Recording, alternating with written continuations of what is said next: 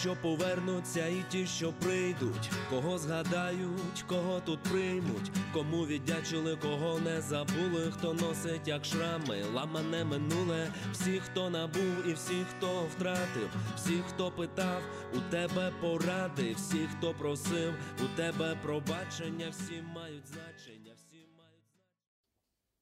Serhii Žodan Anarchy in the Ukraine 1987 Paštas Pašto skyrius sukeldavo man nervų pakrikimą. Mano žodinė raiška ir elgesys jau buvo pakankamai nepriklausomi. Aš leisdavau savo turėti savo nuomonę ir net turėjau pomėgį. Aš buvau futbolo sirgalius.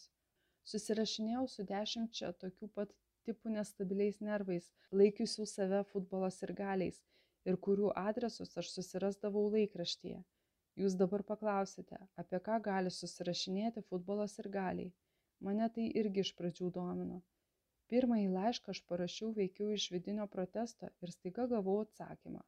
Man atsivėrė stebėtinas trenktas futbolo sirgalių pasaulis.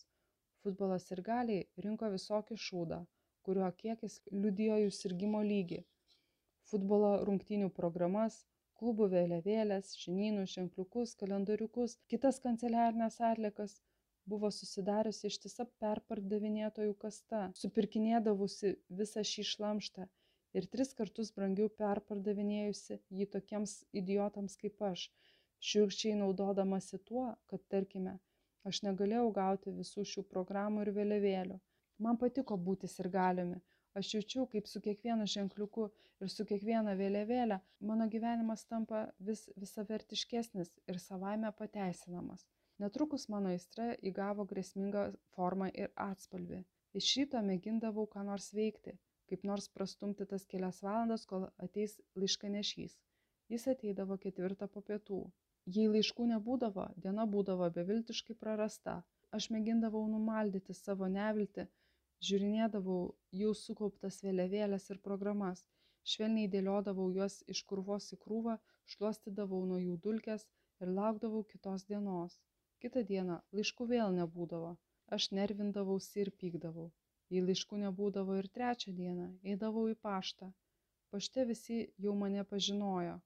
O aš atmintinai žinau, kada atvežami nauji laiškai, kaip ilgai jie perankiami ir išskirstomi, kada išeina mūsų laiškanešys, kaip greitai jis savo dviračio apvažiuoja aplinkinės gatveles ir kada jo laukti prie mūsų pašto dėžutės.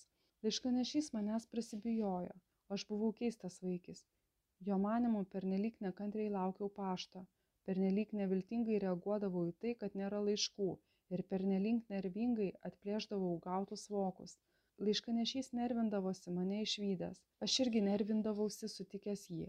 Mūdu nemėgome vienas kito, mano aktyvaus sirgymo metais mes abu buvome išsekę, sutraiškyti iš vidaus. Laiškininkas nesuprato, kaip galima būti tokiam nuopisai ir aš apie jį maniau tą patį. Kartais aš gaudavau pranešimą ir eidavau tiesiai į paštą pasiimti vėliavėlių. Laiškanešys atsidurdavo spastuose. Jam nebūdavo kur dingti. Vakarė jis atneždavo man pranešimą ir paskubomis sprūkdavo šalin savo dviračiu. Aš ateidavau pas jį į namus ir reikalaudavau nedelsiant atiduoti mano siuntinį, nes dar nevėlu, dar tik 11 vakaro. Dar visai galima sulakstyti paštą ir atiduoti mano siuntinį. Laiškanešys širdies gelmėse pikdžiugiaudavo, bet išoriškai elgdavosi ramiai ir mandagiai. Jis atsakydavo, kad paštas dirba iki šešių, o vienuoliktą vakaro jis ne už ką ten eis, nors jį sušaudytų. Aš labai mielai būčiau taip ir padaręs, tačiau aš keliaudavau namo, o laiškanešys tučto jau užakindavo duris, pribėgdavo prie lango ir ilgai, kantriai žiūrėdavo man pavymui. Kitą rytą aš pasitikdavau jį prie pašto skyriaus, jis pastebėdavo mane jau privažiuodamas, apsisukdavo ir jau ketindavo važiuoti atgal, bet susivaldydavo, santūriai pasisveikindavo, įkeldavo dviratį priebūti ir atrakindavo pakabinamą pašto durų spyną. Aš įeidavau pas jį ir mane iš karto sujaudindavo į mus tvoskės pašto, tikro pašto skyriaus kvapas. Tai buvo ypatingas kvapas. Aš ir dabar jį atsimenu. Ir jis vis dar, tiesą pasakius, mane jaudina. Tai mano vaikystės trauma.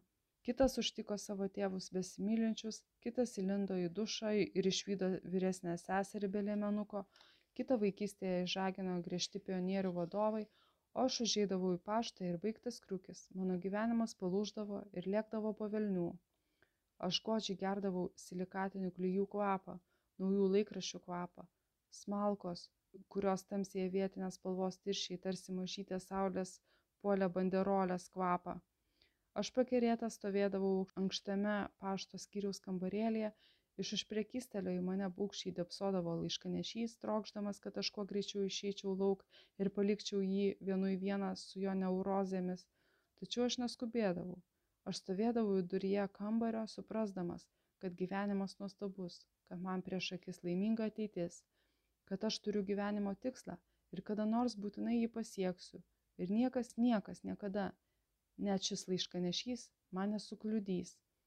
Aš pasiimdavau siuntinį ir eidavau namo, dar kurį laiką jausdamas nuo rankų slinkantis malkos kvapą. Taip kvepia džiaugsmas. Po metų aš nusivyliau futbolo sirgimu ir sudeginau visas savo programas bei vėliavėlės. Dar po metų aš susipažinau su įdomiu tipu šūra. Šūra buvo pižonas, kiek tai įmanoma mūsų žemės ūkio sąlygomis ir pasižymėjo visais reikiamais duomenimis, kad taptų būtinis alkoholikas, o tai mūsų sąlygomis žymiai suprantamiau. Jo požiūris į mane buvo geranoriškas, jis vadino mane Leninu. Teigdavo, kad aš protingas kaip Leninas ir aš jam neprieštaravau. Leniną mes vertinome neutraliai. Su Šūra buvo susijęs toks įvykis pašte. Nustojęs sirgti futbolu, aš kartu atšalau ir paties pašto atžvilgiu pašto kaip savokos, kaip mano vaikystės baimės ir išgyvenimo epicentro. Šūras savo ruoštų kartais pašte gaudavo piniginės perlaidas. Jis turėjo Kijove senelį ir šis slepino Šūrą, tačiau stengiasi laikytis nuo jo kuo tokiau. Kartais jis atsiūsdavo Šūrai babkių. Šūra, nieko nesakęs tėvams, pinigus prašvilpdavo artimiausiame kooperatyvinėme grilio bare, o kartais pasikviesdavo ir mane kartą gavęs pranešimą apie dar vieną perlaidą jis apsivilko savo kietąjį adidas kostiumą tada tokie kaip tik buvo madingi pasiėmė kasetinį grotuvą užsitempė firminį bleizerį ir išėjo į paštą. Šūra šaukė jam iš virtuvės mama. Išvesk stiopą stiopa buvo jų šuo bokseris. Tai buvo vienintelis bokseris visame mieste. Jis kainavo krūvą babkių jie jį lepino ir visai jo neauklėjo. Stiopa buvo bukas kaip ir visi bokseriai, bet dar ir agresyvus, kaip beje irgi būdinga visiems bokseriams.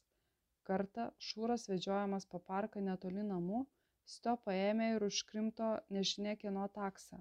Šūra tada jį pripizdino, o taksą įkišo į dėžutę nuo spagečių ir paliko prie laiptinės. Išgirdęs mamos šūksmą, Šūra nenoromis išsivedė šunį. Pakeliu jis užėjo į grilio barą ir išgėrė prie pašto dar užsuko į parduotuvę ir vėl išgėrė pririšęs stopą prie pašto skyriaus durų jis nuėjo pasiimti perlaidos gavęs pinigus šūra sugrįžo į grilio barą ten dar išgėrė. Parėjo namo ir nugriuvo miegoti. Šeštą vakaro pašto skyriaus darbuotojai pamėgino išeiti iš skyriaus. Tarpduryje grėsmingai apsiputojęs stovėjo pririštas stiopa praeiti pro jį niekas nedrįso stiopa laikėsi žūtbūtinai ir nė nesirengė nieko praleisti. Viena darbuotoja paskambino savo vyrui medžiotojui mėgėjui. Šis su šautuvu atbėgo į pašto skyrių ir išvydęs paklaikusį stiopą ėmė į jį šaudyti. Medžiotojas jis buvo šūdinas. Kelios pirmos kulkos pralėkė pro šalį užtat visiškai suvarpė pašto duris. Išsigandęs šuo prikrovė tiesiog ant pašto skyriaus slenksčio. Jis neviltingai kaukė. Beje pašto moteris elgėsi lygiai taip pat. Vienas kaimynas išgirdęs šūvius ir išvydęs bičelį su dvivamzdžiu iškvietė miliciją atvykusi milicija išvydo maždaug tokį vaizdą. Stovi bičelis sportinėmis kelnėmis ir iš dvivamzdžio pleškina į pašto skyrių pro kurio langus dirsčioja kelios moterys ir kaukia iš baimės. Milicija paguldo bičelį sukiša į kaziolą ir veža į skyrių.